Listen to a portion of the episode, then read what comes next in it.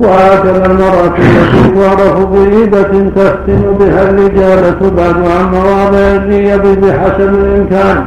فإن دفع الضرر عن الدين بحسب الإمكان واجب فإذا كان هذا هو السنة. فكيف بمن يكون في جمع من أسباب الفتنة والله به عليم؟ والرجل الذي يتشبه بالنساء في دينهن واستعمال أسماء الجمال والحسن والزينة ونحو ذلك في الأعمال الصالحة. واستعمال والرجل الذي يتشبه بالنساء في دينهن واستعمال أسماء الرجال الجمال والحسن والزينة ونحو ذلك في الأعمال الصالحة والقبح والشين والدنس في الأعمال الفاسدة.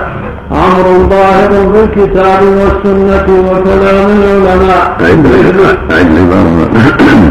واستعمال أسماء الجمال والحسن والزينة ونحو ذلك أسماء ولا أسباب؟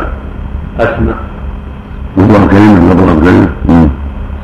وهكذا المرأة التي تعرف بريبة تفتن بها الرجال تبعد عن مواضع اليد بحسب الإمكان.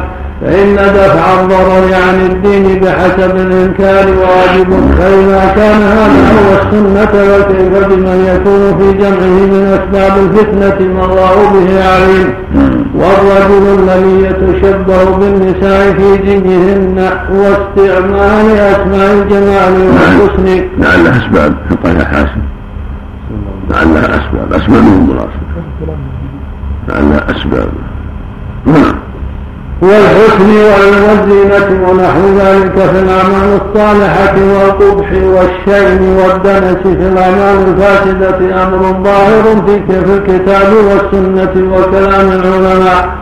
مثل اسم الطبيب الطبيب؟ مثل اسم الطيب والطهارة والخبث.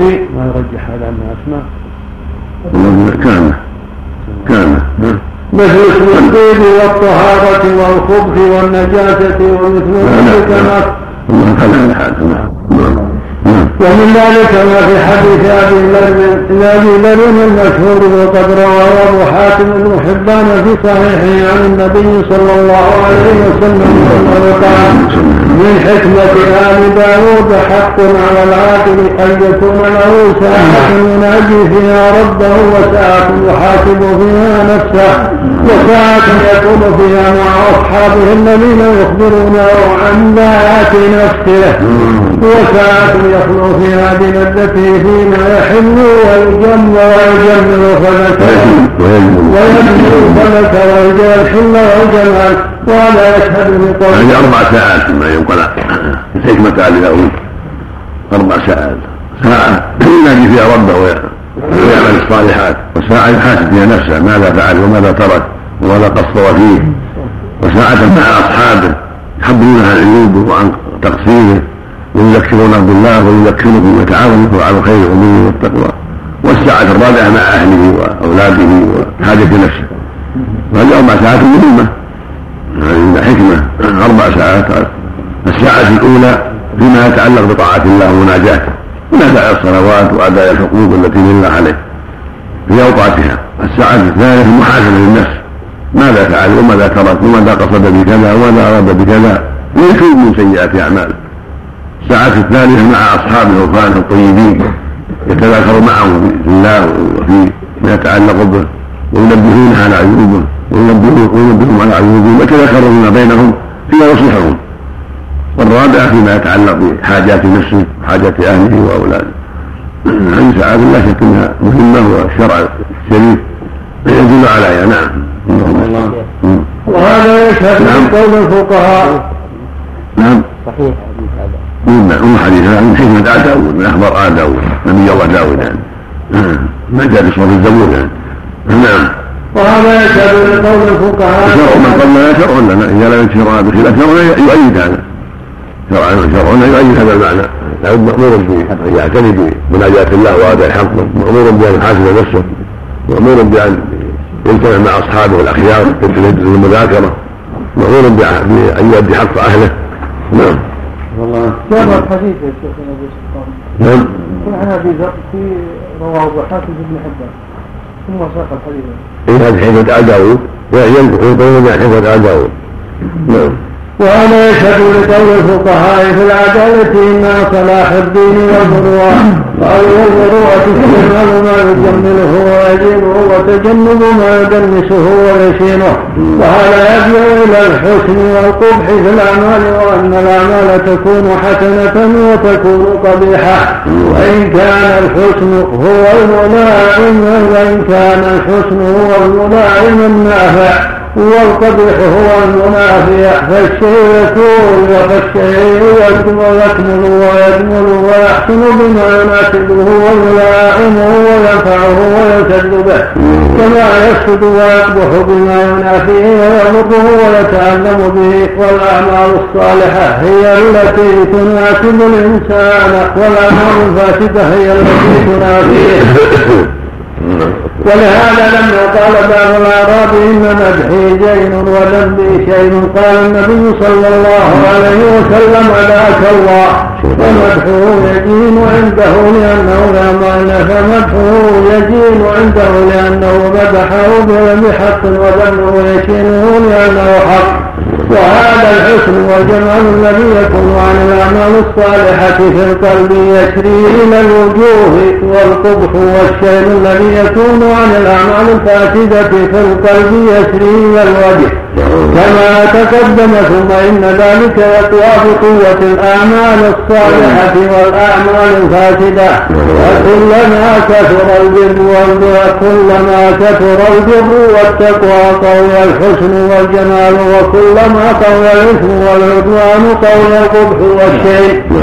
حتى ينسخ ذلك ما كان للصورة من حسن وقبح فكم من فكم ممن لم تكن صورته حسنة.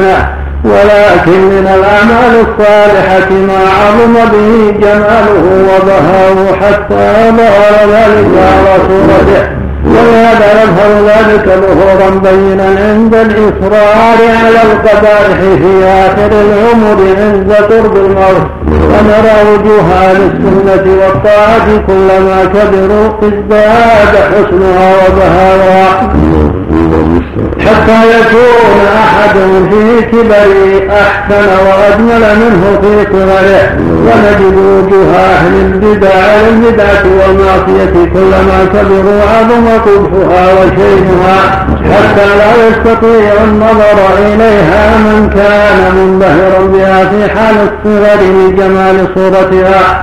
وهذا ظاهر هذا ظاهر لكل أحد في من يعظم بدعته وفجوره مثل يعني تحسن ما في مجازي نعم نعم في من يعلم بدعته وفجوره مثل الرافضة وأهل المظالم والفواحش من الترك ونحوهم فإن الرافضي كلما كبر كبر قبح وجهه وعظم شيء حتى يقوى شبهه بالخنزير وربما مسخ خنزيرا وقردا كما قد تواتر ذلك عنهم. ونجد مربان من الترك ونحمه ونحوهم قد يكون أحدهم في صغره من أحسن الناس صورة. ثم إن الذين يكثرون الفاحشة تجدهم في الكبر أقبح الناس وجوها. حتى إن الصنف الذي يكثر ذلك يكثر ذلك فيهم من الترك ونحوهم يكون أحدهم أحسن الناس صورة في صوره. وأصبح الناس صورة في كبره وليس سبب وليس سبب ذلك أمرا يعود إلى طبيعة الجسم بل العادة المستقيمة تناسب الأمر في ذلك. بل سببه ما يغلب على أحدهم من الفاحشة والظلم فيكون مخنثا ولوطيا وظالما وعونا للظلمة فيكفوه ذلك قبح الوجه وشينه. ومن هذا أن الذين قوي فيهم العدوان مسخهم الله قردة وخنازير من الأمم المتقدمة. وقد ثبت في الصحيح أنه سيكون في هذه الأمة من يمسخ قردة وخنازير. فإن العقوبات والمثوبات من جنس السيئات والحسنات كما قد بين ذلك في غير موضع. ولا ريب أن مع أن ما ليس محبوبا لله من مسقوطات وغيرها تزين في نفوس كثير من الناس حتى يروا جميلة وقال رضي رحمه الله. رحمه الله. شوف كان حديث ابي ذر؟ وفي صحيح بن حبان ابي ذر. الله المستعان. الله الله ومن, ومن ذلك ما في حديث أبي ذر المشهور. وقد رواه أبو حاتم بن حبان في صحيحه عن النبي صلى الله عليه وسلم. أنه قال من حكمة هذا يصح يقول ما قال في الشريعة يصح يقول ما قال في الشريعة. حتى لو لو لم يصح الحديث فالشريعة في موالدها ومصابيها تدل على فضل هذه الساعات الاربع نعم. بسم الله الرحمن علق عليه نعم. علق عليه. حاشيه نعم. عندك؟ نعم. يقول بحثت عن الحديث في الجزء الأول المطبوع. من صحيح ابن حبان. بتحقيق الشيخ أحمد شاكر رحمه الله. فلم أجد. وما لم أتمكن من العثور عليه في سائر المراجع. من هذا هذا رشاد. رشاد. توفي الله يعافيه بعد من دولته أو بعد من دولته من اللي يجذب بدوله نعم. عن قلت في صحيح سماء أو غيره سماء مطوع منه اجزاء سم نعم بسم الله الرحمن الرحيم. قال شيخ الإسلام ابن تيمية رحمه الله. صفحه التي صف كم؟ من الوقائع؟ 366 نعم. بسم الله الرحمن الرحيم الحمد لله رب العالمين وصلى الله وسلم على نبينا محمد وعلى آله وصحبه أجمعين. قال رحمه الله تعالى ولا ريب أن ما ليس محبوبا لله من مسقوطاته وغيرها تزين في نفوس كثير من الناس. حتى يروها جميلة وحسنة يجدون فيها من اللذات ما يؤيد ذلك وإن كانت اللذات متضمنة لآلام أعظم منها. كما قال تعالى زين للناس حب الشهوات من النساء والبنين والقناطير المقنطرة من الذهب والفضة والخيل المسومة والأنعام والحرث ذلك متاع الحياة الدنيا. والله عنده حسن المآب قال أفمن زين له سوء عمله فرآه حسنا فإن الله يضل من يشاء ويهدي من يشاء. وقال تعالى وكذلك زين لفرعون فرعون سوء عمله وصد عن السبيل وما كيد فرعون إلا في تباب وقال وكذلك زينا لكل أمة عملهم ثم إلى ربهم مرجعهم فينبئهم بما كانوا يعملون. وقال تعالى وإذ زين لهم الشيطان أعمالهم وقال لا غالب لكم اليوم من الناس وإني جار لكم. وقد قال سبحانه عن المؤمنين ولكن الله حبب إليكم الإيمان وزينه في قلوبكم وكره إليكم الكفر والفسوق والعصيان. أولئك هم الراشدون. فهو سبحانه يزين لكل عامل عمله فيراه حسنا وإن كان ذلك العمل سيئا فإنه لولا يراه حسنا لم يفعله.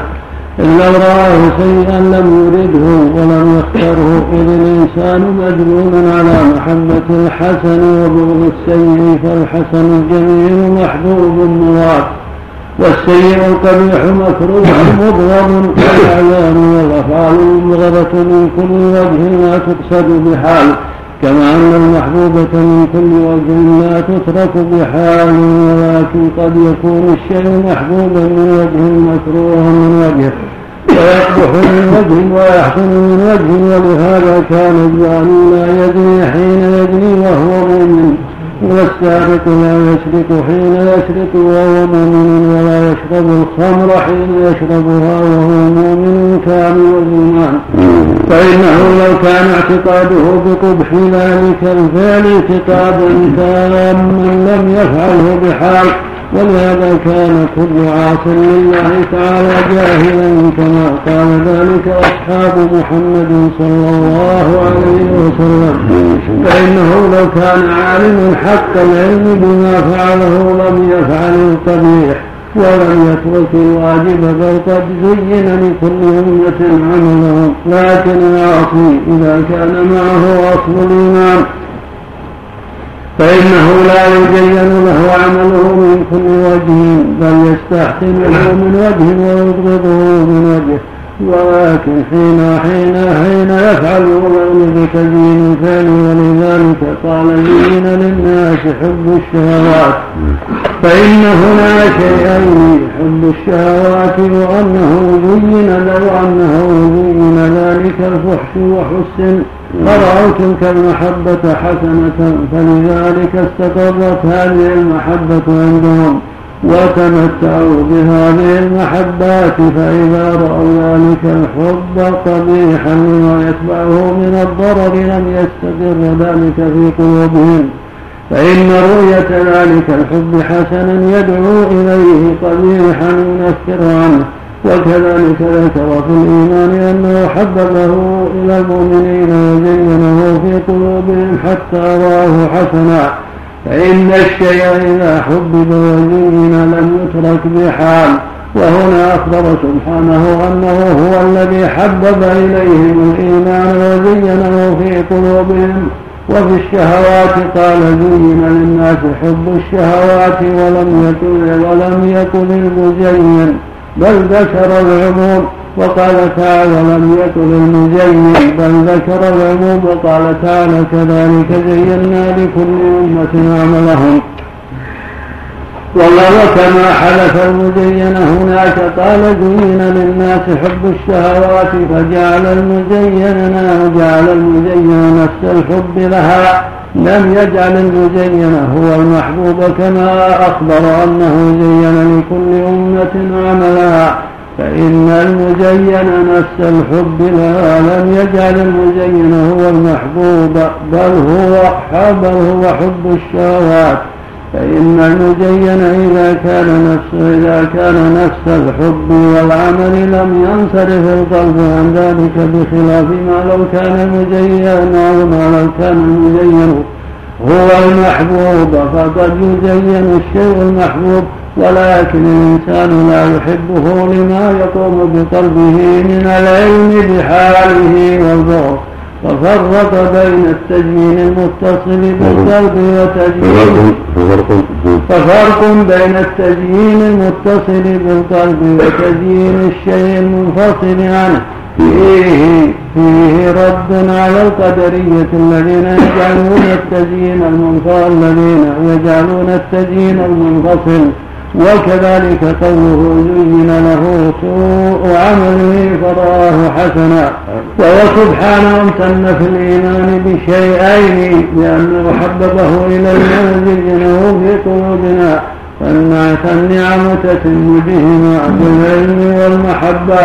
وقد ثبت في الصحيح من غير وجه عن النبي صلى الله عليه وسلم أنه لعن المخنثين من الرجال والمترجلات من النساء. وفي الصحيح أيضا أنه لعن المتشبهين من الرجال بالنساء والمتشبهات من النساء بالرجال. وفي الصحيح أنه أمر بنفي المخنثين وإخراجهم من البيوت. كما روى البخاري في صحيحه عن عكرمة عن ابن عباس قال لعن النبي صلى الله عليه وسلم المتشبهين من الرجال بالنساء والمتشبهات من النساء بالرجال. وفي رواية لعن النبي صلى الله عليه وسلم المخنثين من الرجال والمسترجلات من النساء. وقال أخرجوهم من بيوتكم. فأخرج النبي صلى الله عليه وسلم فلانا وأخرج عمر فلانا. فإذا كان الرجل الذي يتشبه بالنساء في لباسهن وزيهن وزينتهن ملعونا. قد لعنه رسول الله صلى الله عليه وسلم. فكيف بمن يتشبه بهن في مباشرة الرجال له فيما يتمتع الرجال به؟ بتنكيره من ذلك لغرض يأخذه أو لمحبته لذلك. وكلما كثرت مشابهته لهن كان أعظم للعنة وكان ممنونا من وجهين من جهة الفاحشة المحرمة فإنه يلعن على ذلك ولو كان هو الفاعل ومن جهة تخنثه لكونه من جنس المفعول بهم ومن جعل شيئا من يعني يعني الموطن أعوذ بالله قد شبه بالنساء من جهتين نسأل الله العافية من جهة أنه يفعل فيه ومن جهة أنه تشبه بهم بهذا الشيء حتى هيأ نفسه لهذا الأمر نسأل الله العافية. وهو ملعونا لمضاق وملعونا لتشبهه بالنساء نسأل الله. لا حول ولا قوة. الحديث الصحيح لعن الله من عمل عمل قوم لوط لعن الله من عمل عمل قوم لوط لعن الله من عمل عمل قوم لوط نسأل الله العافية. نعم. نعم. ما ورد في السلام يعني على من لم يعرف الإنسان ومن ومن يعرف. ففي بعصرنا في عصرنا هذا يعني من كثر الناس يعني يتشبهوا يعني بالأجانب. بحلق اللحى والخنافس. فإذا وجد الإنسان واجه إنسان يعني لم يعرفه ماذا يقول؟ النبي صلى الله عليه وسلم سئل أي الإنسان أفضل قال أن تقرأ السلام على من عرف ولم تعرف وتطعم الطعام. فلا ما دمت لا تعرف أنه كافر لا بأس. أن تسلم تبدأ بالسلام وترد بالسلام. إذا واجه إنسان واحد يعني ما يعرفه بس يعني تبدأ تنشر السلام والحمد لله. ولا عليك وإذا تيسر لك النصيحة انصح. لأن قد يكون فيه جاهل ما يعرف الحكم الشرعي نعم. فمن جعل الشيء فمن جعل شيئا من التخنث دينا أو طلب ذلك من الصبيان مثل تحسين الصبي صورته أو لباسه لأجل نظر الرجال واستمتاعهم بذلك. في سماع وغير سماع أليس يكون مبدلا لدين الله من جنس الذين إذا فعلوا فاحشة قالوا وجدنا عليها آباءنا والله أمرنا بها. قل إن الله الله لا يأمر بالفحشاء وتقولون على الله ما لا تعلمون. وإذا كانت فاحشة العرب المشركين احتشف عوراتهم عند الطواف. لئلا يطوفوا في ثياب عصوا الله فيها فكيف بما هو أعظم من ذلك؟ والمصنف قد يكون مقصوده معاشرة النساء ومباشرتهن وقد يكون تخنفه بمباشرة الرجال ونظرهم ومحبتهم. وقد يجمع الأمرين ففي المتنسكين من الأقسام الثلاثة خلق كثير وهؤلاء شر ممن يفعل هذه الأمور على غير وجه التدين. فإنه يوجد في الأمم الجاهلية من الترك ونحوهم من يتشبه فيه من النساء بالرجال ومن من يتشبه من الرجال بالنساء. خلق عظيم حتى في المتنسكين من الاقسام الثلاثه خلق كثير ينسون العباده من الصوفية وغيرهم. تنسك التعبد. تعبدون بالتشبه بالنساء والتشبه بالرجال. نسأل الله. الله العافية. فإنه يوجد في الأمم الجاهلية من الترك ونحوه ونحوهم من يتشبه به من النساء بالرجال ومن يتشبه من الرجال بالنساء. خلق عظيم. حتى يكون لنسائهم من الإمرة والملك والطاعة والبروج للناس وغير ذلك مما هو من خصائص الرجال ما ليس لنساء غيرهم. وحتى أن المرأة تختار لنفسها من شاءت من مماليكها وغيرهم بقهرها للزوج وحكمها. ويكون في كثير من صبيانهم من التخنث وتدريب الرجال له وإكرامه لذلك أمر عظيم حتى يظهر بعض حتى قد يظهر بعض ما بعض صبيانهم من النساء حتى يتخذهم الرجال كالسلام لكن هم لا لكن هم لا يفعلون ذلك تدينا الذين يفعلون ذلك تدينا شر منهم. فإنهم جعلوا الفجور دينا والفاحشة حسنة. لا لما في ذلك من ميل الطباع فهكذا من جعل مجرد الصوت الذي تحبه الطباع حسنا في الدين فيه شبه من هؤلاء لكن في المشركين من هذه الأمة من يتدين بذلك لأجل الشياطين كما يوجد في المشركين من الترك التتار وساحرهم. الطاغوت صاحب الجبت الذي تسميه الترك البوق وهو الذي تستخفه الشياطين وتخاطبه. ويسألها عما يريد ويقدر لها القرابين من الغنم المنخنقة وغير ذلك ويضرب لها بأصوات الطبول ونحو ذلك ومن شرطه أن يكون مخنثا يؤتى كما تؤتى المرأة.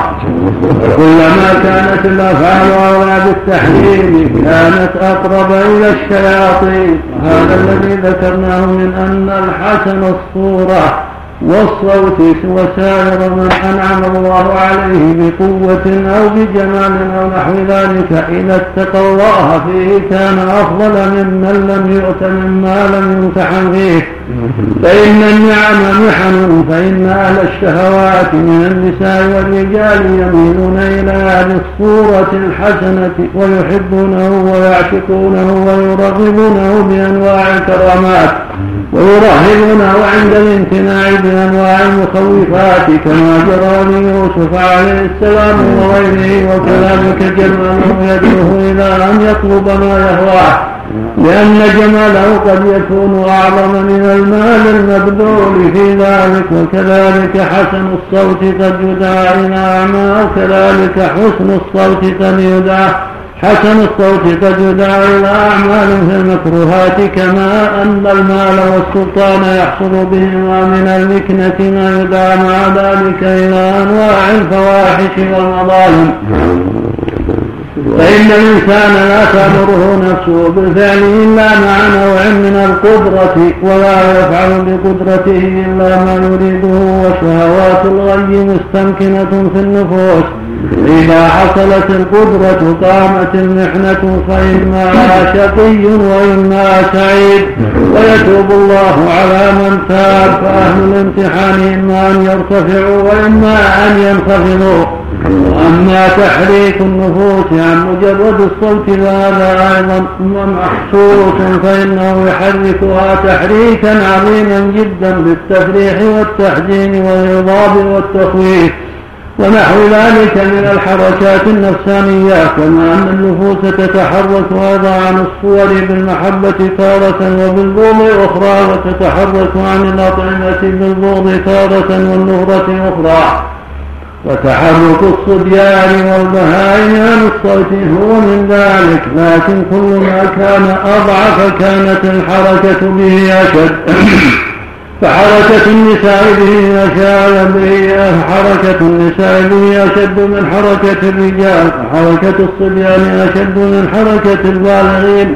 وحركة البهائم أشد من حركة الآدميين فهذا يدل على أن قوة التحرك عن مجرد الصوت هي قوة ضعف العقل.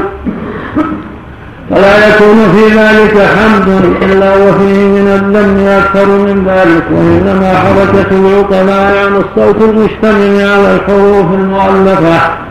المتضمنة للمعاني المحبوبة وهذا أكمل ما يكون في استماع القرآن؟ أما التحرك بمجرد الصوت فهذا فهذا أمر لم يأت الشرع بالندب إليه ولا عقلاء الناس يأمرون بذلك بل يعدون ذلك من قلة العقل وضعف الرأي. كالذي يفزع عن مجرد الأصوات المفزعة المرعبة وعن مجرد الأصوات المغضبة قال أبو القاسم وقال النبي صلى الله عليه وسلم وما أذن الله لشيء كأذنه لنبي يتغنى بالقرآن. رحمه الله. المقصود أن الأصوات الحسنة والأفعال الحسنة والصور يتأثر بها الصبيان والنساء والجهل أكثر من غيرهم. فإذا كانت في طاعات الله ومحبة الله كقراءة القرآن وتوجيه الناس إلى الخير نفع ذلك. وإذا كانت في الأغاني والملاهي جر ذلك الفواحش والمنكرات نسأل الله لا حول ولا قوة إلا بالله. نسأل الله العافية. الحمد لله رب العالمين. الذين يفعلون ذلك تدينا شرا منهم. شر من الجهال يفعلونه وهم يعرفون أنهم عصاة. واللي يعرف المعاصي أسهل. واللي يفعل الفواحش يتدين انها دين وفوقه مثل المبتدع يرى أنها دين ولا يتوب نسأل الله العافية. يا شيخ. نسأل الله العافية. نعم. الشرع الفاعل والمفعول به كلهم حكم الشرع شو الذي يفعل الدوام حكم القتل كذلك مثل إذا كان مكلف. نسأل الله صلى الله عليه وسلم قال من وجدتم يعمل عمل قبل فاقتلوا فاعلا ومفعولا الشيخ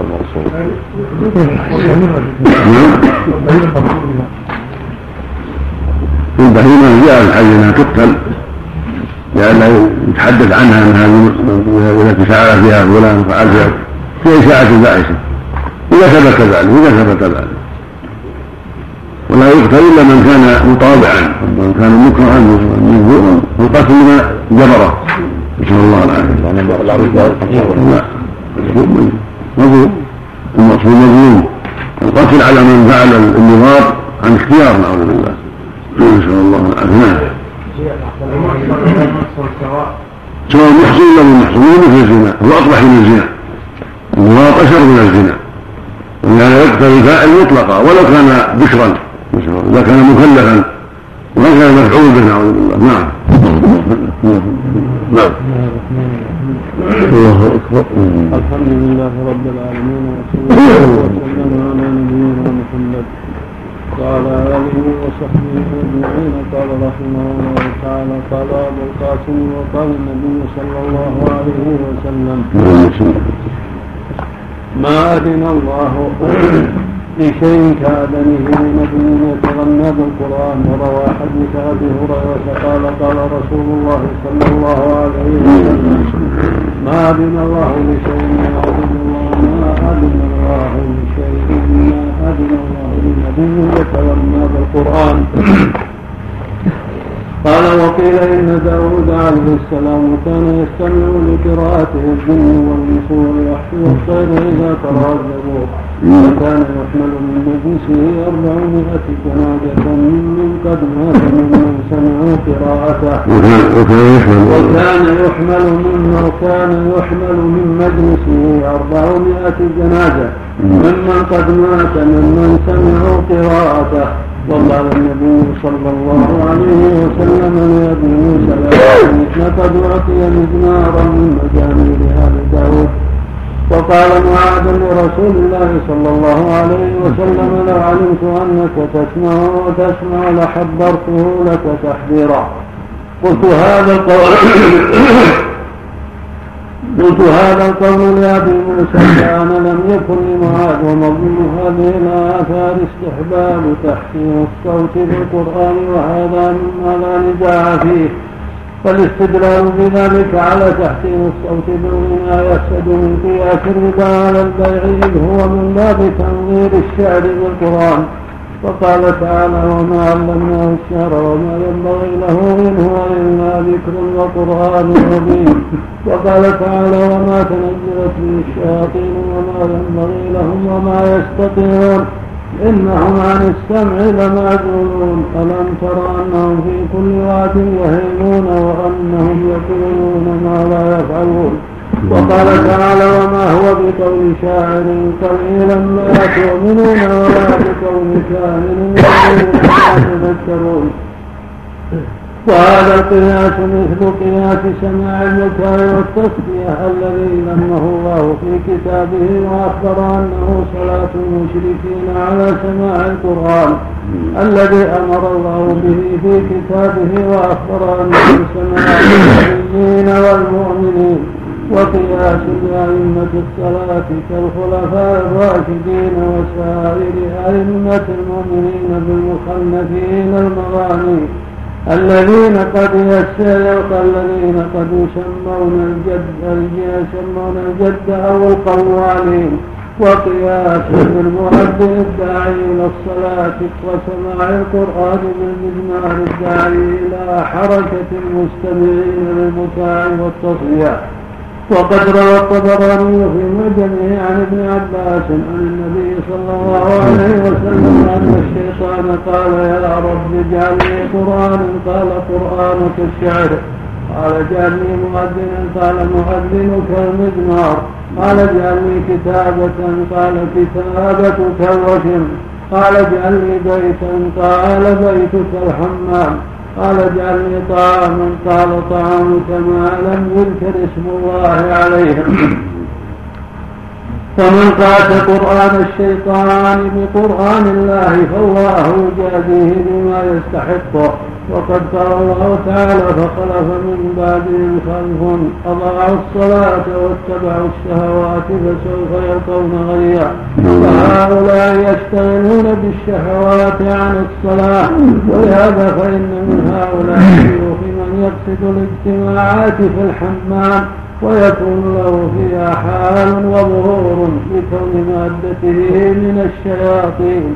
فإن الشيطان يظهر أثره في بيته وعند أوليائه وتعليم مؤذنه وتلاوة قرآنه كما يظهر ذلك على أهل المتاع والتصدية وإذا كان السماع نوعين سماع الرحمن وسماع الشيطان كان ما بينهما من أعظم الفرقان لكن الأقسام هنا أربعة. إما أن يشتغل العبد بسماع الرحمن دون سماع الشيطان أو بسماع الشيطان دون سماع الرحمن أو يشتغل بالسماعين أو لا يشتغل بواحد منهما. رواية الطبراني في صفحة؟ روى الطبراني صفحة؟ 376 اللي فيها الطبراني رواية الطبراني. قد روى الطبراني. 376 نعم. نعم فالأول حال السابقين الأولين من المهاجرين والأنصار والتابعين لهم بإحسان. وأما الثاني فحال المشركين الذين قال الله فيهم وما كان صلاتهم عند البيت إلا مكاء وتصدية. وهو حال من يتخذ ذلك دينا ولا يستمع قرآن فإن كان يشتغل بهذا السماع شهوة لا دينا ويعرض عن القرآن فهم الفجار والمنافقون إذا أبطلوا حال المشركين. وأما الذين يشتغلون بالسماعين فكثير من المتصوفة والذين يعرضون عنهما على ما عنهما على ما ينبغي كثير من المتعربة فهذه النصوص المأثورة عن النبي صلى الله عليه وسلم التي فيها مدح الصوت الحسن بالقرآن والترغيب في هذا السماع فيحتج بها على المعدم عن هذا السماع الشرعي الإيماني. لا يحتج بها على على حسن السماع البدعي الشركي وللراغبون في السماعين جميعا والزاهدون في السماعين جميعا خارجون عن محض الاستقامة والشريعة القرآنية والشريعة القرآنية الكاملة. هؤلاء متمعتدون وهؤلاء مفرطون. وإنما الحق الرغبة في السماع الإيماني الشرعي والزهد في السماع الشركي البدعي. ثم ذكر أبو القاسم حكاية حكاية أبي بكر الرقي في الغلام الذي حدا بالجمال حتى قطعت مسيرة ثلاثة أيام في يوم فلما حط عنها ماتت. وحدا بجمل فهام على وجهه وقطع حباله قال الرب ولم أظن أني أني سمعت صوتا أطيب منه ووقعت لوجهي حتى أشار عليه بالسكوت فسكت. فقال حدثنا أبو حاتم السجستاني وحدثنا أبو نصر السراد. قال حكى الرقي. قلت مضمون هذه الحكاية أن الصوت البليغ في الحسن قد يحرك النفوس تحريكا عظيما خارجا عن العادة. وهذا مما لا ريب فيه فإن الأصوات توجب الحركات الإرادية بحسنها وهي في الأصل ناشئة عن حركات إرادية ويختلف تأثيرها باختلاف نوع الصوت وقدره. بل هي من أعظم المحركات أو أعظمها وإذا اتفق قوة المؤثر واستعداد المحل واستعداد المحل قوي التأثير فالنفوس المستعدة لصغر أو أنوثة أو جدع ونحوه أو لفراغ وعدم شغل أو ضعف عقل إذا اتصل بها صوت عظيم حسن. قوي قوي أزعجها غاية الإزعاج لكن هذا لا يدل على جواز ذلك ولا فيه ما يوجب مدحه وحسنه بل مثل هذا أدل على الذم والنهي منه على الحمد منه على الحمد والمدح فإن هذا يفسد النفوس أكثر مما يصلحها ويضرها أكثر ويضرها أكثر مما ينفعها. وإن كان فيه نوع وإن كان فيه نفع فإثمه أكبر من نفعه. وقد قال الله للشيطان واستفزز من استطعت منهم بصوتك. فالصوت الشيطاني يستفز بني آدم. وقال النبي صلى الله عليه وسلم إنما نهيت عن صوتين أحمقين فاجرين. وذكر صوت النغمة وصوت المعصية ووصفهما بالحمد والفجور وهو الظلم والجهل. وقال لقمان لابنه اقصد في مشيك واغضب من صوتك. والمغني بهذه الأصوات لم يغض من صوته والمتحركون بها الراقصون لم يفسدوا في مشيهم بل المصوتون أتوا بالأحمد الجاهل الظالم الفاجر من الأصوات والمتحركون أتوا بالأحمد الجاهل الظالم الفاحش من الحركات. وربما جمع الواحد بين هذين النوعين وجعل ذلك من أعظم العبادات. ثم قال أبو القاسم سمعت الشيخ أبا عبد الرحمن السلمي سمعت محمد بن عبد الله بن عبد العزيز سمعت أبا عمرو الأنماطي سمعت الجنيد يقول وسئل ما بال الإنسان يكون هادئا فإذا سمع السماع اضطرب. فقال إن الله لما خاطب الذر في الميثاق الأول بقوله ألست بربكم؟ استفرغت عذوبة سماع الكلام الأرواح. فإذا سمعوا فإذا سمعوا السماع حركهم ذكر ذا حركهم فإذا سمعوا فإذا سمعوا السماع حركهم ذكر ذا ذكر ذلك. قلت هذا الكلام لا يعلم صحته عن الجنيد. والجنيد أجل من أن يقول مثل هذا فإن هذا الاضطراب يكون لجميع الحيوان ناطقه حتى يكون في البهائم أيضا ويكون للكفار والمنافقين. ثم الاضطراب قد يكون لحلاوة الصوت ومحبته وقد يكون للخوف منه وهيبته وقد يكون للحزن والجزع وقد يكون للغضب. ثم من المعلوم أن الصوت المسموع ليس هو ذاك أصلا. ولو سمع العبد كلام الله كما سمعه موسى بن عمران لم يكن سماعه لأصوات العباد محركا لذكر ذلك. بل المأثور أن موسى مقت الآدميين لما وقر في مسامعه من كلام الله ثم التلذذ بالصوت أمر طبيعي لا تعلق له بكونهم سمعوا صوت الرب أصلا ثم إن أحدا لا يذكر ذلك السماع أصلا إلا بالإيمان والناس متنازعون في أخذ الميثاق. وفي ذلك السماع بما ليس هذا موضعه ثم إن مذهب الجنيد في السماع كراهة التكلف لحضوره والاجتماع عليه. وعنده أن من تكلف السماع فتن به فكيف يعلله بهذا؟ وقد ذكر أبو القاسم ذلك فقال وسمعت محمد بن الحسين يقول سمعت ما سمعت الحسين بن أحمد ابن جعفر سمعت أبا بكر بن منشار سمعت الجنيد يقول السماع فتنة لمن طلبه ترويح لمن صادفه. فأخبر أنه فتنة لمن قصده ولم يجعله لمن صادفه مستحبا ولا طاعة بل جعله راحة. وكيف يقول؟ إنه أظهر أنه أظهر خطاب الحق المتقدم.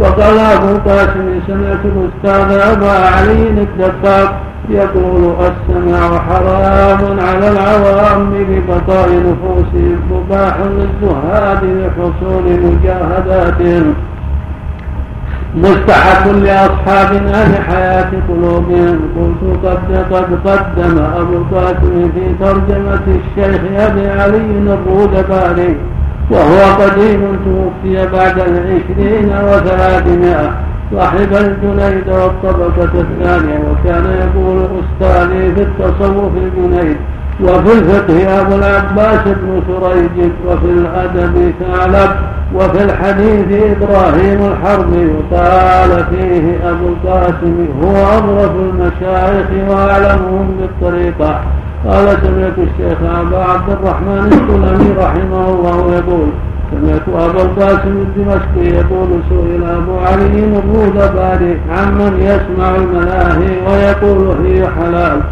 ويقول هي لي حلال لأني وصلت إلى درجة لا يؤثر في اختلاف الأحوال.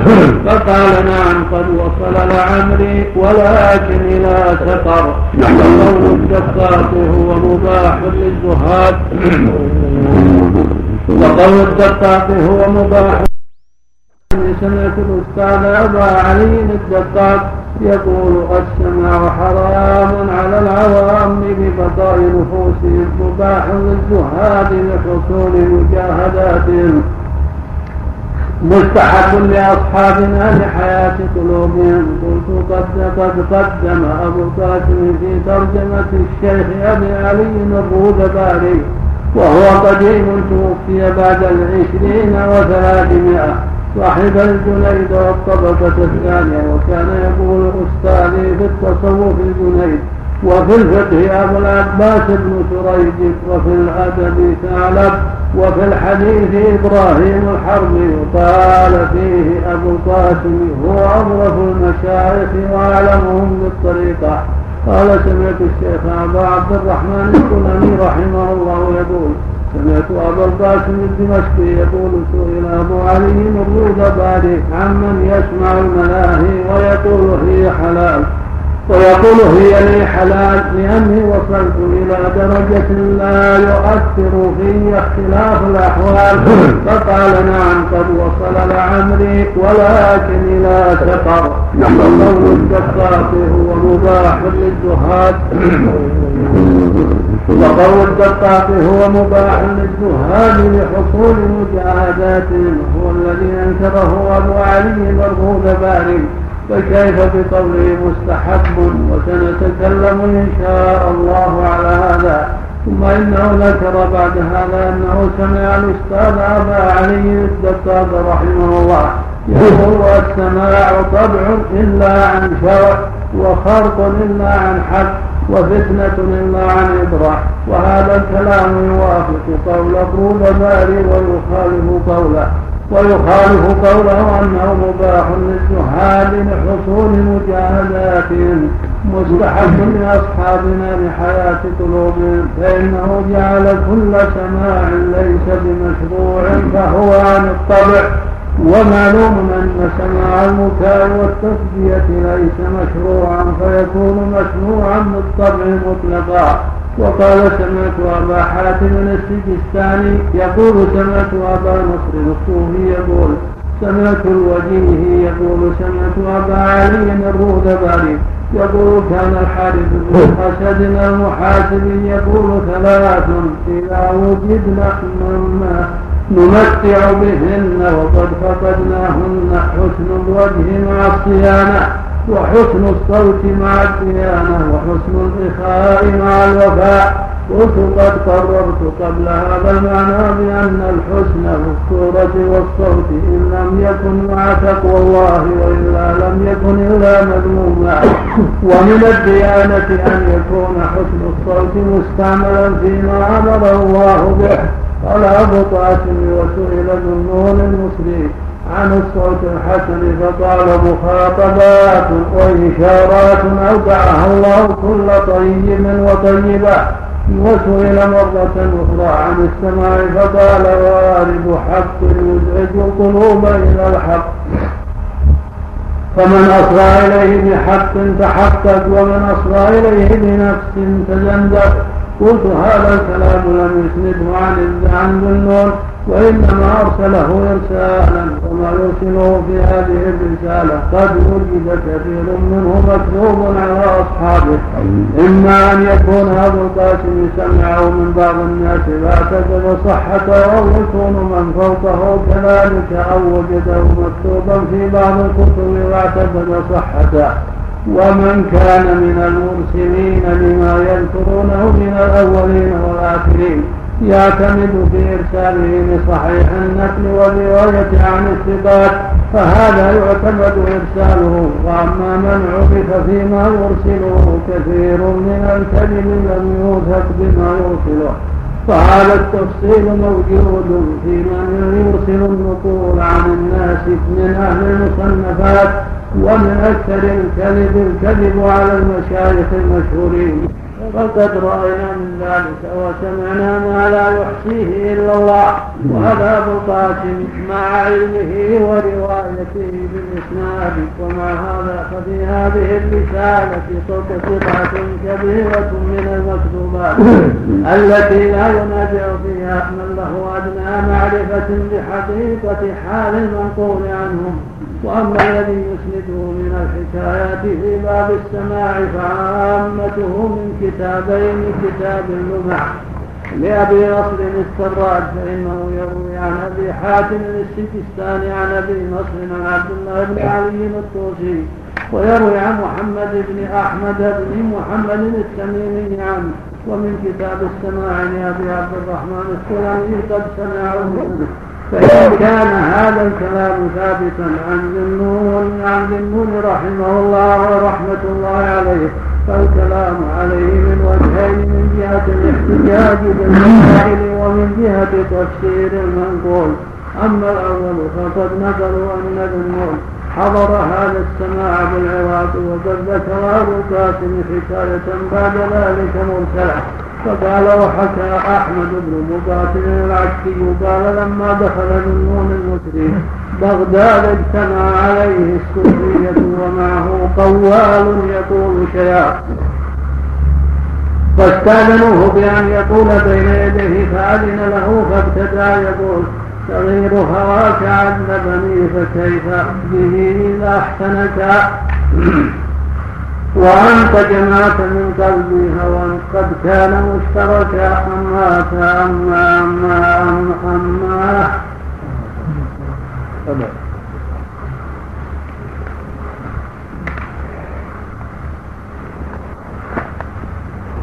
ترفيل مكتئب إذا ضحك الخلي بكى قال فقام ذنون فقام ذنون وسقط على وجهه. والدم يقطر من جبينه ولا يسقط على الأرض ثم قام رجل من القوم يتواجد فقال له ذنون الذي يراك حين تقوم فجلس الرجل. قال وسمعت أبا علي الدقاق يقول كان ذنون صاحب إسراف على ذلك الرجل حيث نبهه أن ذلك ليس مقامه.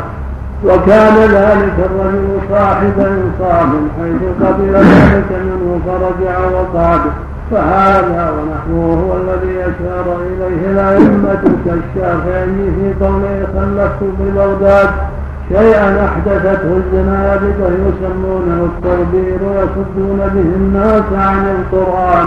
ويكون بالنور ويكون بالنور هو أحد الذين حضروا التربير الذي أنكره الأئمة. وشيوخ السلف ويكون هو أحد المتاولين في ذلك.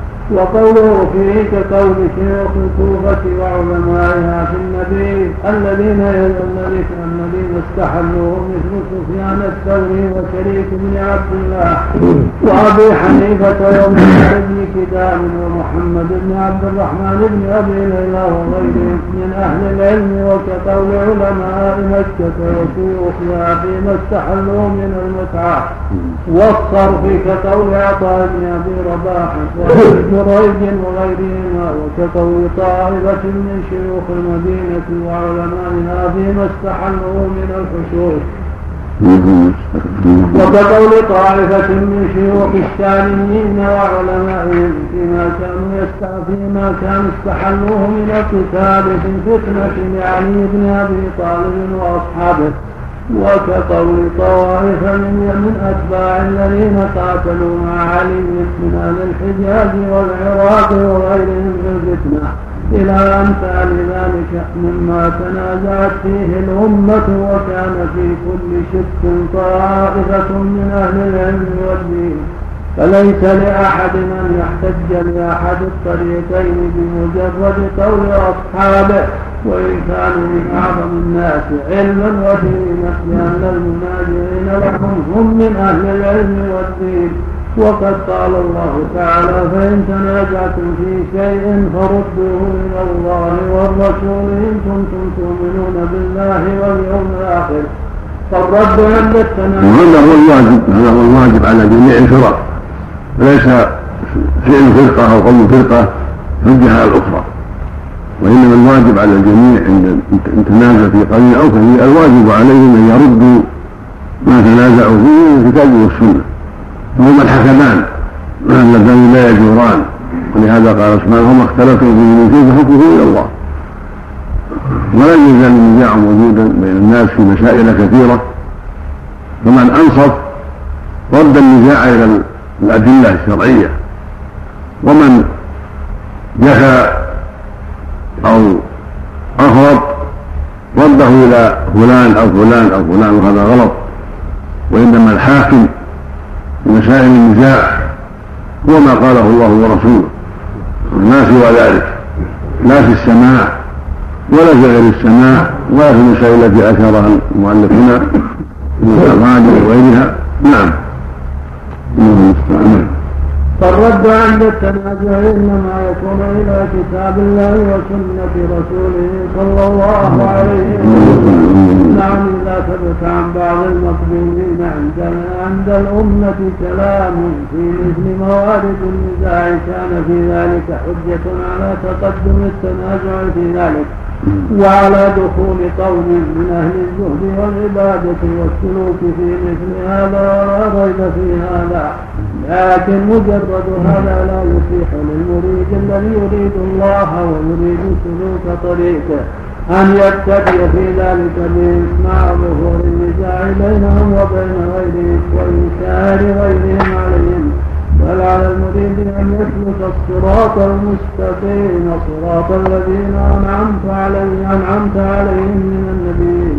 صراط الذين أنعم الله عليهم. صراط الذين أنعم الله نعم صلح. صراط الذين أنعم الله عليهم من النبيين والصديقين والشهداء والصالحين. ويتبع ما دل عليه الكتاب والسنة والإجماع فإن ذلك هو صراط الله الذي ذكره ورضي به. في قوله وأن هذا صراطي مستقيما فاتبعوه ولا تتبعوا السبل فتفرق بكم عن سبيله. وهذا أصل في أنه لا يحتج في مواضع النزاع والاشتباه بمجرد قول أحد ممن نوزع في ذلك. وأما الوجه الثاني فقول القائل عن الصوت الحسن مخالفات. الله الحديث أنها منح الحديث أن ما وقع فيه الصوفية من المحن العظيمة والبلاء الكثير من به على الناس فجعلوه دينا وقربة حتى هلك فيه من هلك إلى يومنا هذا نسأل الله العافية. سماعهم وتواجدهم وإعرامهم عن الكتاب والسنة وزعمهم أن العبد متى بلغ كذا وكذا سقط عنه التكاليف كل هذا كل هذا من البلاء العظيم والشر الكثير. نسأل الله. فجزا الله مؤلف خيرا. جزا الله مؤلف على تنبيهه خيرا. نعم. نحسن الله إليك. نعم قضايا عندهم التواجد حتى يفقده الشعور. لا يفقد الشعور. ادعاء أو يكون حقيقة. لا يطيح. يفقد الشعور مرة واحدة حقيقة. يغلب عليه الوجد والتأثر بالسماع والشعر وضرب الموسيقى مثل الموسيقى سواء كان قصبا أو آلة من الصهر أو من الحديد أو غيره. يضربونها مع الشعر والأصوات الحسنة وبكاء فيتواجدون ويسقطون. الحمد لله رب العالمين. والصلاة والسلام على كما قال الشافعي إن أحدثه الزنادقة شر كبير. أحدثه الجهال الذين ما عندهم بصيرة. وفيهم من هو زنديق لا يؤمن بالله ولا باليوم الآخر. شوش على الناس؟ نسأل الله العافية. قال الإمام أبو محمد عبد الله بن عبد الرحمن الدارمي رحمه الله تعالى. بالنسبة للأناشيد نعم. الأناشيد التسجيلات إيش؟ أناشيد أناشيد إسلامية. تسجيلات فيها فيها الطيب وفيها الخبيث إذا كانت سليمة ما هي منها. وإذا كانت سليمة ليس فيها شيء يخالف أمر الله مثل الشعر حسن حسن وقبيح قبيح ومن الشعر حكمة. نعم. بسم الله الرحمن الرحيم. الحمد لله رب العالمين وصلى الله وسلم على نبينا محمد وعلى اله وصحبه اجمعين وقال قال شيخ الاسلام رحمه الله تعالى واما الوجه الثاني فقول قائل عن الصوت الحسن مخاطبات وإشارات أودعها الله كل طيب وطيبة لا يجوز أن يراد به أن كل صوت طيب كائن ما كان بأن الله أودعها مخاطبات يخاطب بها عبادة. فإن هذا القول كفر صريح إذ ذلك يستلزم أن تكون الأصوات الطيبة التي يستعملها المشركون الله في كتابه الاستعانة بها على كفرهم. فإن هذا وقول قائل عن الصوت الحسن مخاطبات وإشارات أودعها الله كل طيب وطيبة. لا يجوز أن يراد به أن كل صوت طيب كامل ما كان بأن الله أودعها مخاطبات يخاطب بها عباده. فإن هذا القول كفر صريح ذلك يستلزم أن تكون الأصوات الطيبة التي يستعملها المشركون وأهل الكتاب بالاستعانة بها على كفرهم قد خاطب وخطأ خاطب بها الله عباده. وأن تكون الأصوات الطيبة التي يستفيد بها الشيطان من بني آدم كما قال تعالى واستفرد من استطعت منهم بصوتك وأجلب عليهم بخيرك ورجلك أن تكون هذه الأصوات الشيطانية إذا كانت طيبة قد أودعها مخاطبات يخاطب بها عباده وأن تكون أصوات الملاهي قد أودعها الله مخاطبات يخاطب بها عباده ومن المعلوم أن هذا لا يقوله عاقل فضلا عن أن يقوله مسلم. ثم لو كان الأمر كذلك فمن لم يستمع الأنبياء والصديقون من الاولين والآخرين إلى كل صوت صوت ويامرون أتباعهم بذلك لما في ذلك من استماع مخاطبات الحق علم ان استماع مخاطبات الحق من افضل القربات فقد ظهر أن هذا الكلام لا يجوز أن يكون عمومه وإطلاقه حقا يبقى أن يقال هذا خاص ومقيد بالصوت الحسن يدخل من على الوجه الحسن فهذا حق حق مثل ان يزين به كلام الله كما كان ابو موسى الاشعري يفعل وقال له النبي صلى الله عليه وسلم مررت بك البارحه وانت تقرا فجعلت استمع لقراءتك فقال اعلمت انك تستمع لحظه ولك تحذير وكان عمر يقول له ذكرنا ربنا وكان عمر يقول له ذكرنا ربنا فيقرأ لهم يستمعون رجعنا من الصوت الحسن إذا تلا به كتاب الله فإنه يكون حينئذ قد أودع الله ذلك مخاطبات وإشارات.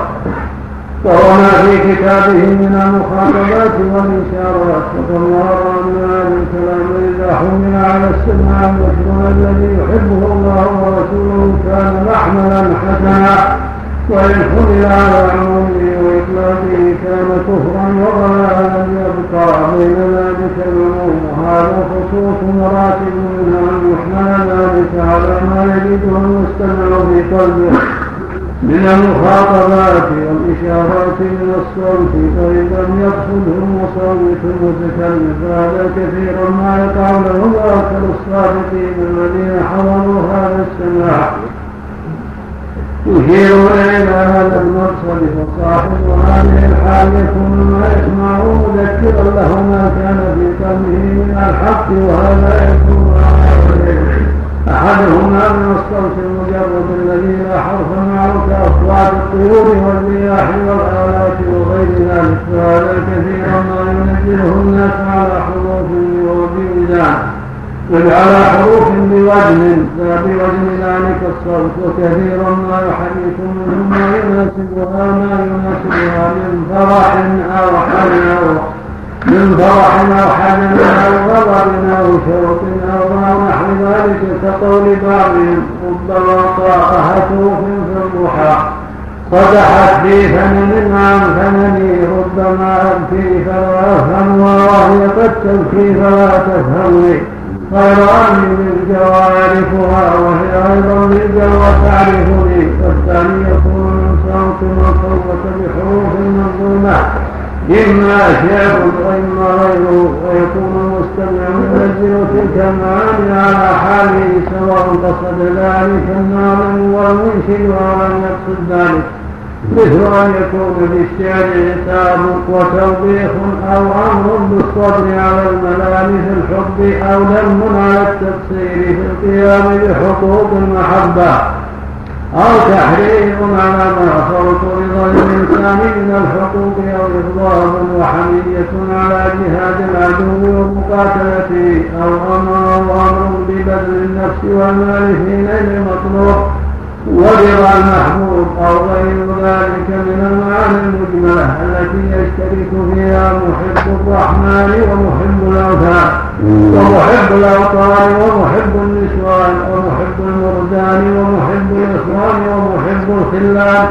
وربما قرع السمع حروف أخرى لم ينطق بها المتكلم على وزن حروفه.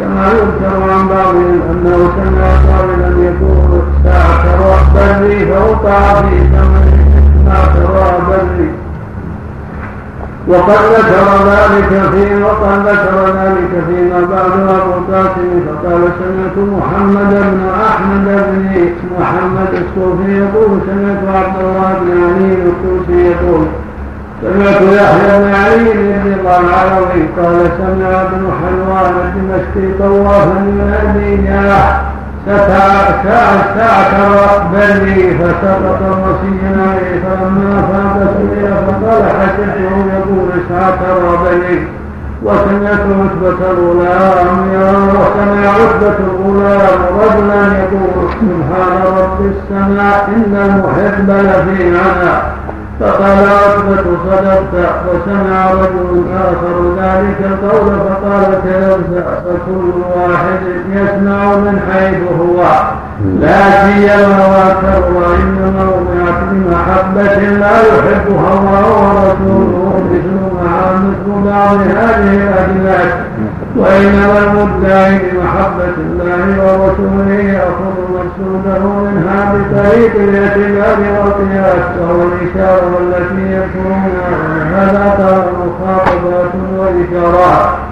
فالمخاطبات كدلالة النصوص والإشارات كدلالة القياس ولا بد أن يكون علم أن تلك المخاطبات والإشارات إنما يفهم منها إنما يفهم منها المستمع ويتحرك فيها حركة يحبها الله ورسوله. فيكون قد من غيرها أن ما يقتضيه من الشعور والحال مرضي عند ذي الجلال بدلالة الكتاب والسنة وإلا فإن مجرد الإحسان فإن مجرد الإحسان للذوق والوجد إن لم يشهد له الكتاب والسنة وإلا كان ضلالا ومن هذا الباب ضل طوائف من الضالين وإذا كان كذلك فمن المعلوم مثل هذا جميعا لا يجوز أن يجعل طريقا إلى الله ويجمع عليه عباد الله ويستحب ويستحب للمريدين وجه الله. لأن ما فيه من الضرر هو أضعاف ما فيه من المنفعة لهم ولكن قد ساد فالسر الذي يكون في قلبه حق بعض حق بعض هذه المسموعات فيكون مذكرا له ومنبها. وهذا معنى قول الجنيد السماع فتنة لمن طلبه ترويح لمن صادفه وهذا معنى قول الجنيد والمقصود من هذا كله. إن الصوفيه واصحاب الزهد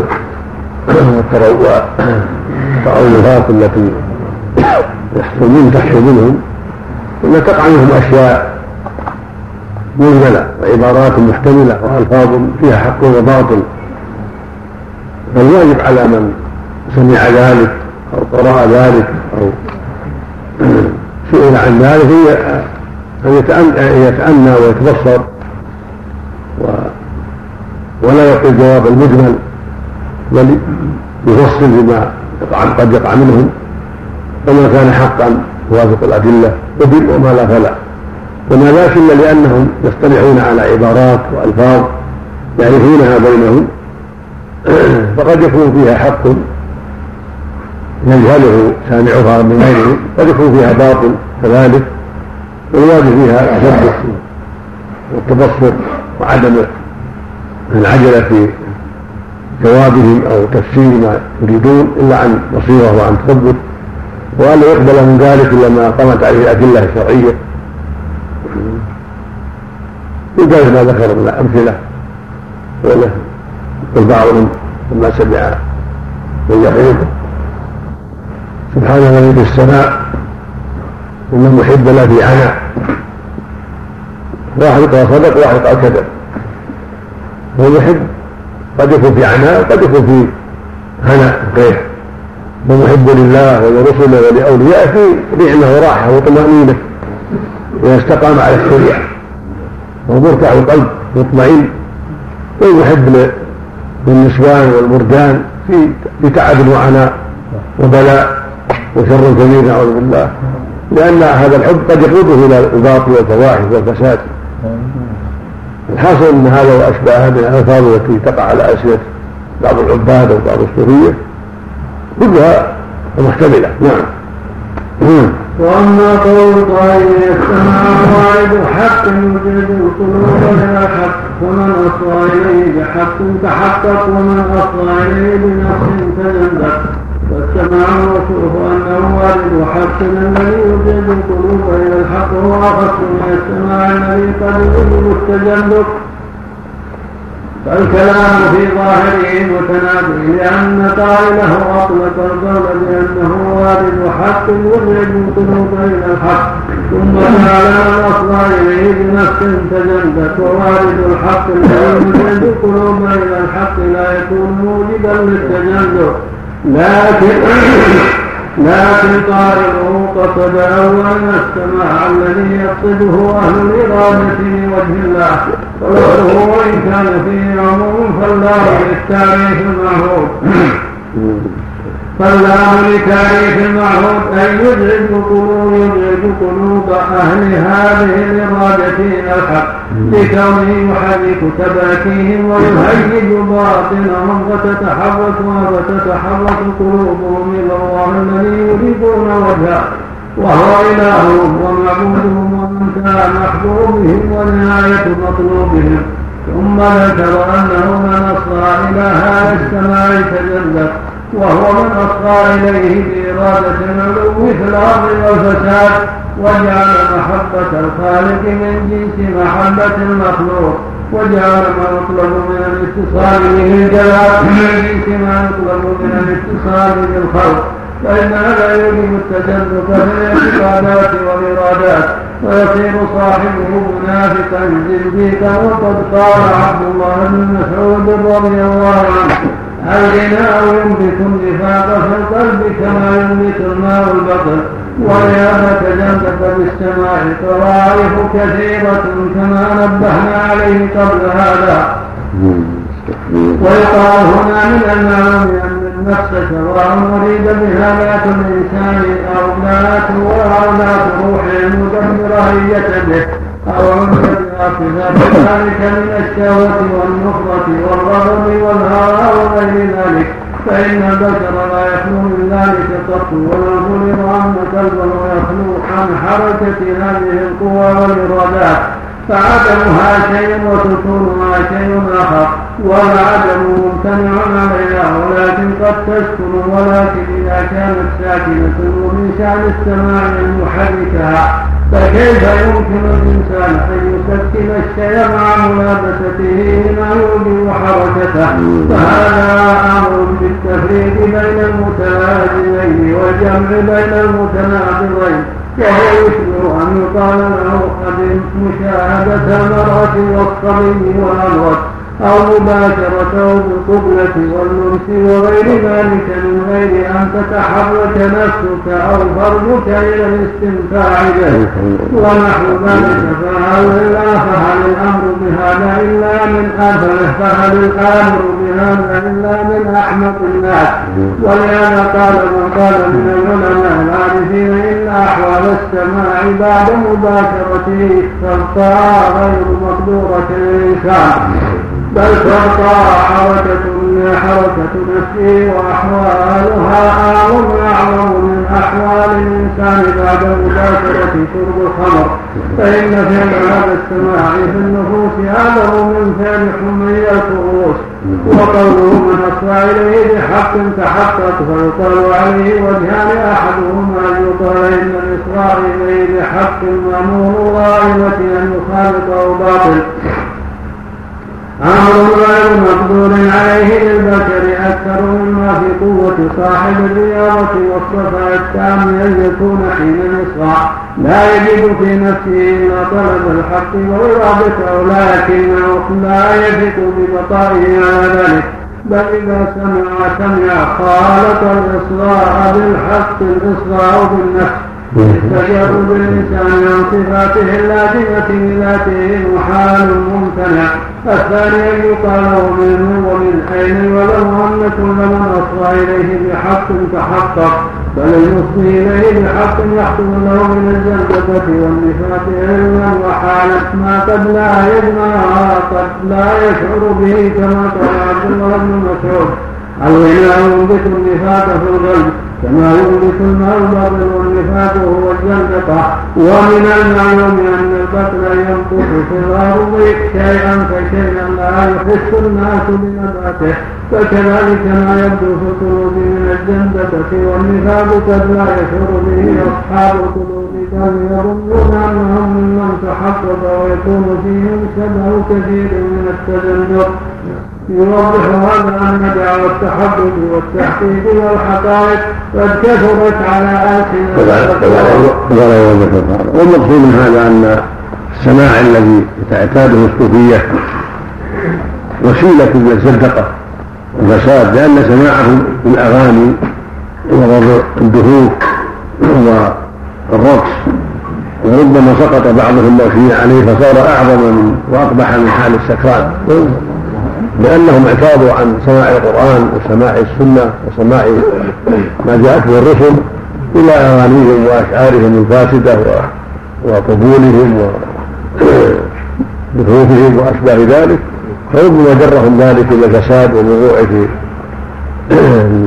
اللواط والزنا وغير هذا مما هو أشر من فعل الخمر نسأل الله العافية ولهذا جزم العلماء بتحريم ذلك وأن هذا السماء من أنكر المنكرات فليس من المحرمات فقط بل هو من البدع ومن تعبدوا وجعله دين. جعله دين بغربة فصار بدعة ومحرما جميعا. بدعة لأنهم شرعوا في الدماء من ذنب الله ومحرما لأنه من المعاصي المحرمة فالسماع الحقيقي والرياضة الحقيقية في إصلاح القلوب بإقبالها على الله. وسماعها لكتابه العظيم وتلذذها بسماع القرآن والمذاكرة فيما أمر الله به ومنع عنه والتذكر مما كان عليه أحوال الرسل وأتباعهم بإحسان هذا هو طريق السعادة وطريق الهدى. أما العصيان عن هذا بسماع الأغاني والمردان والنسوان وسمع رب القبور ورب الدفوف وجعل هذا قربك وطاعة هذا من أبعد شيء عن الهدى. ولهذا قال ابن مسعود رضي الله عنه الغنى ينبت الدفاق في القلب كينبت الماء البقر لا يزال يعتاد الغنى والأشعار في حب فلان وفلان وفي ذكر محاسن فلان وفلان حتى يقع في قلبه من الزندقة والنفاق وبغض الإسلام وبغض الدين ومحبة اللواط والفساد. ما لا يخطر بالبال نسأل الله العافية. ويزيد في قلبه شيئا فشيئا شيئا فشيئا شيئا فشيئا. مثل ما أن النبات ينبت أولا ضعيف صغير لاصق الأرض ثم لا يزال يزيد يزيد يزيد وينبعث ويقوى حتى يرتفع هكذا النفاق القلوب. ينبت شيئا فشيئا. ينبت قليلا حتى يعظم حتى ينسلخ صاحبه من الهدى نسأل الله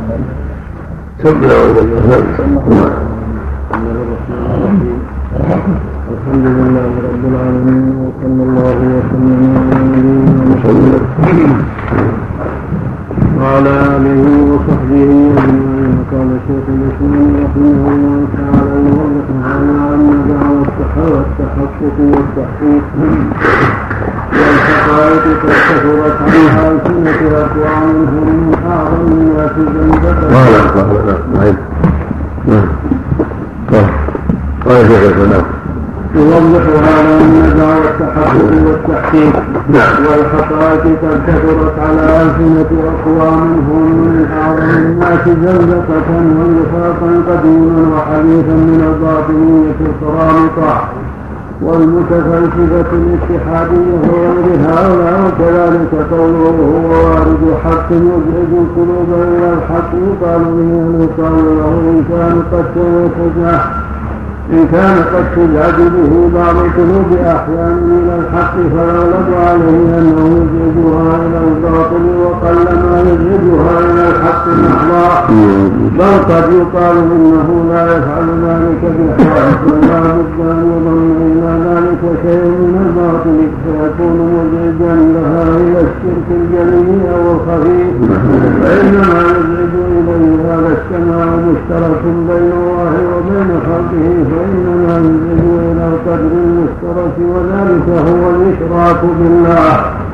ولهذا لم يذكر الله هذا السماع في القرآن إلا عن المشركين الذين قال فيهم وما كان صلاتهم عند البيت إلا مكاء وتصديعا فلا يكون مزعجا لقلوب إلى إرادة الله وحده لا شريك له بل يزعجها إلى الباطل تارة وإلى الحق والباطل تارة.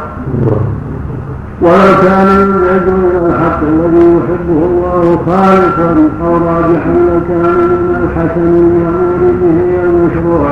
ولكان شرعه رسول الله صلى الله عليه وسلم بقوله أو فعله ولكان من سنة الخلفاء الراشدين ولكان المؤمنون في القرون الثلاثة يفعلونه لا يتركون ما أحبه الله ورسوله وما يحرك القلوب إلى الله تحريكا يحبه الله ورسوله.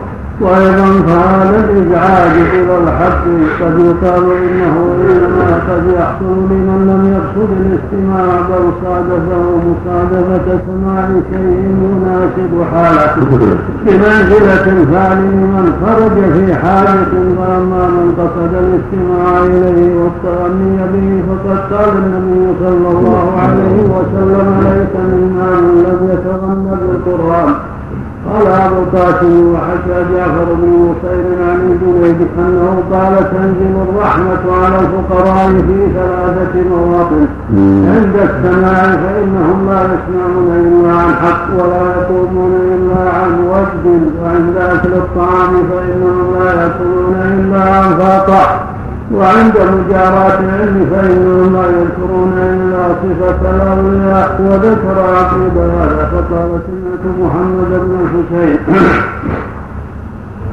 يقول سمعت الحسين بن أحمد بن بن جعفر يقول سمعت الجنيد يقول السماء فتنة لمن طلبه ترويح لمن صادفه وذكر بعد هذا سمعت محمد بن الحسين يقول سمعت عبد الله بن محمد بن عبد الرحمن الرازي يقول سمعت الجنيد يقول إذا رأيت المريد يحب السماع فاعلم أن فيه أن فيه بقية من البطالة قلت فهاتان المقالتان أسندهما عن الجنيد وأما القول الأول فلم يسنده فأرسله وهذان قولان مفسران والقول الأول مجمل.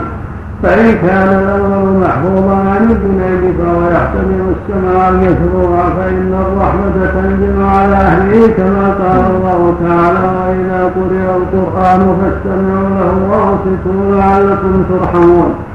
وذكر أن استماع القرآن سبب الرحمة وقال النبي صلى الله عليه وسلم في الحديث الصحيح ما اجتمع قوم في بيت من بيوت الله يتلون كتاب الله ويتدارسونه بينهم إلا غشيتهم الرحمة وتنزلت عليهم السكينة.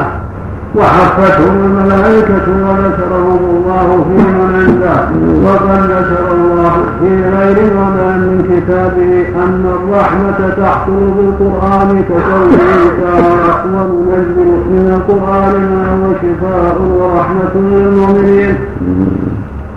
وقال هذا بصائر من ربكم وهدى ورحمة لقوم يؤمنون. وقال ونزلنا عليك الكتاب تبيانا لكل شيء وهدى ورحمة.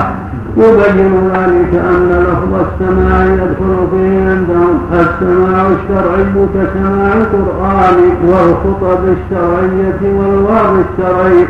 وقد أدخل أبو القاسم هذا النوع في باب السماع وذكر أبو القاسم هذا النوع في باب السماع وذكر في ذلك آثارا فقال سمعت محمد بن أحمد بن محمد التميمي يقول سمعت عبد الله بن علي الصوفي يقول سمعت الرب يقول سمعت المحاي سمعت ابن الجلاء يقول كان بالمغرب شيخان لهما أصحاب وتلاميذ يقال لأحدهما جبلة وللثاني وللثاني رزيق فجاء رجل ورزيق يوما جبلة فقرأ رجل من أصحاب رزيق شيئا فصاح رجل من أصحاب جبلة صيحة ومات. فلما أصبحوا قال جبلة لرجيق أين الذي قرأ بالأمس فليقرأ آية؟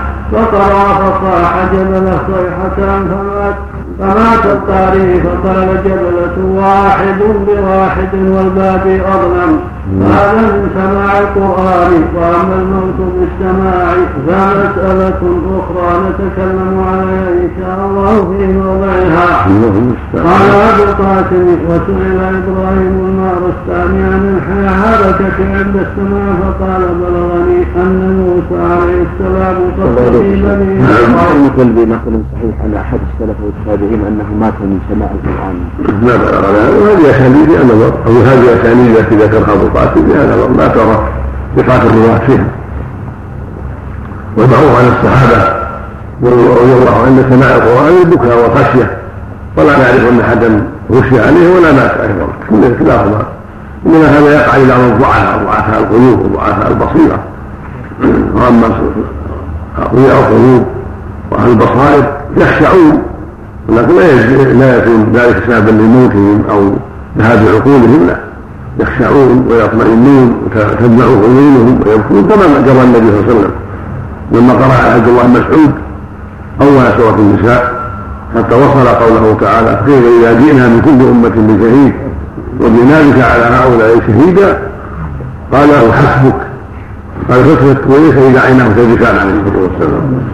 وهكذا الصحابة لما لما حدثهم عن المنبر أخبرهم أن عبدا من عباد الله خير واختار ما عند الله بكى الصديق. ولم تركوا مرة وعظهم وذكرهم. قال أنس غطوا رؤوسهم ولهم خليل البكاء. المقصود أنهم يخشعون ويبكون عند سماع العظام والذكرى لكن لا نعلم أن احدا من الصحابة مات عند عند ذلك أو غشي عليه. نعم. يعني إذا إذا ذكرت النار وأغمي عليه هذا يدل على ضعف الإيمان ولا نعم. إذا ذكرت النار يعني هذا ضعف ضعف القلوب قد ما يتحمل قلبه من ضعف. المؤمنون الاقوياء يسمعون ويخشعون ولكن لا لا تزول عقولهم نعم. قال أبو قاسم وسئل إبراهيم المارستاني عن الحركة عند السماء. فقال بلغني أن موسى عليه السلام قص في بني إسرائيل فمزق واحد منهم قميصا فأوحى الله إليه قول قل له مزق لي قلبك ولا تمزق لي ثيابك. فهذا سماع قصص هذا سماع لقصص الأنبياء قال أبو قاسم وسأل أبو علي المرازي الشبلي فقال ربما يطرق سمعي آية من كتاب الله عز وجل. فتحجرني على ترك الأشياء والإعراض عن الدنيا ثم أرجع إلى أحوالي وإلى الناس الشبلي ما اجتنبك إليه فهو عطف منه عليك فهو عطف منه عليك ولطف وما ردك إلى نفسك وهو شفقة منه عليك لأنه لا يصح لك التبري من الحول والقوة في التوجه إليه. وهذا كما في القرآن وقال سمعت أبا حاتم السجستاني يقول سمعت أبا نصر السراج يقول سمعت أحمد بن مقاتل العكي يقول كنت مع الشبلي في مسجد ليلة في شهر رمضان وهو يصلي خلف إمام الله. وأنا بجنبه فقرأ الإمام ولئن شئنا لنذهبن بالذي أوحينا إليك. فمن فجعط جعطة قلت طارت روحه وهو يرتعد ويقول بمثل هذا مخاطب الأحباء يردد ذلك كثيرا وهذا سماع القرآن. قال وحكي عن الجنيد أنه قال دخلت على الشريك. هذا هذا يصح عن الشبيب ومن ضعفه. على البصيرة. نعم. قال وقلت عن الجنيد أنه قال دخلت على الشري يوما فرأيت عنده رجلا مرشيا عليه. فقلت ما له؟ فقال سمع آية من كتاب الله تعالى فقلت تقرأ عليه ثانيا. فقرئ فأقام فأفاق فقال لي من أين علمت هذا؟ فقلت إن قميص يوسف ذهبت بسببه عين يعقوب عليه السلام ثم به عاد بصره. فاستحسن مني ذلك. قال وسمعت أبا حاتم السجستاني يقول سمعت أبا نصر السراج يقول سمعت عبد الواحد بن عوان يقول كان شاب يصحب جنيد فكان إذا سمع شيئا من الذكر يبعث فقال له جنيد يوما إن فعلت ذلك مرة أخرى لم تصحبني. فكان إذا سمع شيئا يتغير ويربط نفسه حتى كان يقول من كل شعرة من بدنه فيوما فيوما من الأيام صاح صيحة تلفت بها نفسه فهذا سماع الذكر لا يختص بسماع الشعر الملحن. فقول القائل تنزل الرحمة عليهم عند السماع يصح أن يراد به هذا السماع المشروع. وقوله لا يقومون إلا عن وجد يعني أنهم صادقون ليسوا متصنعين بمنزلة المظهر للوجد من غير حقيقة. لكن قد يقال قوله لا يستمعون إلا عن حق هذا السفيد لا يحتاج إليه في السماع الشرعي فإنه حق.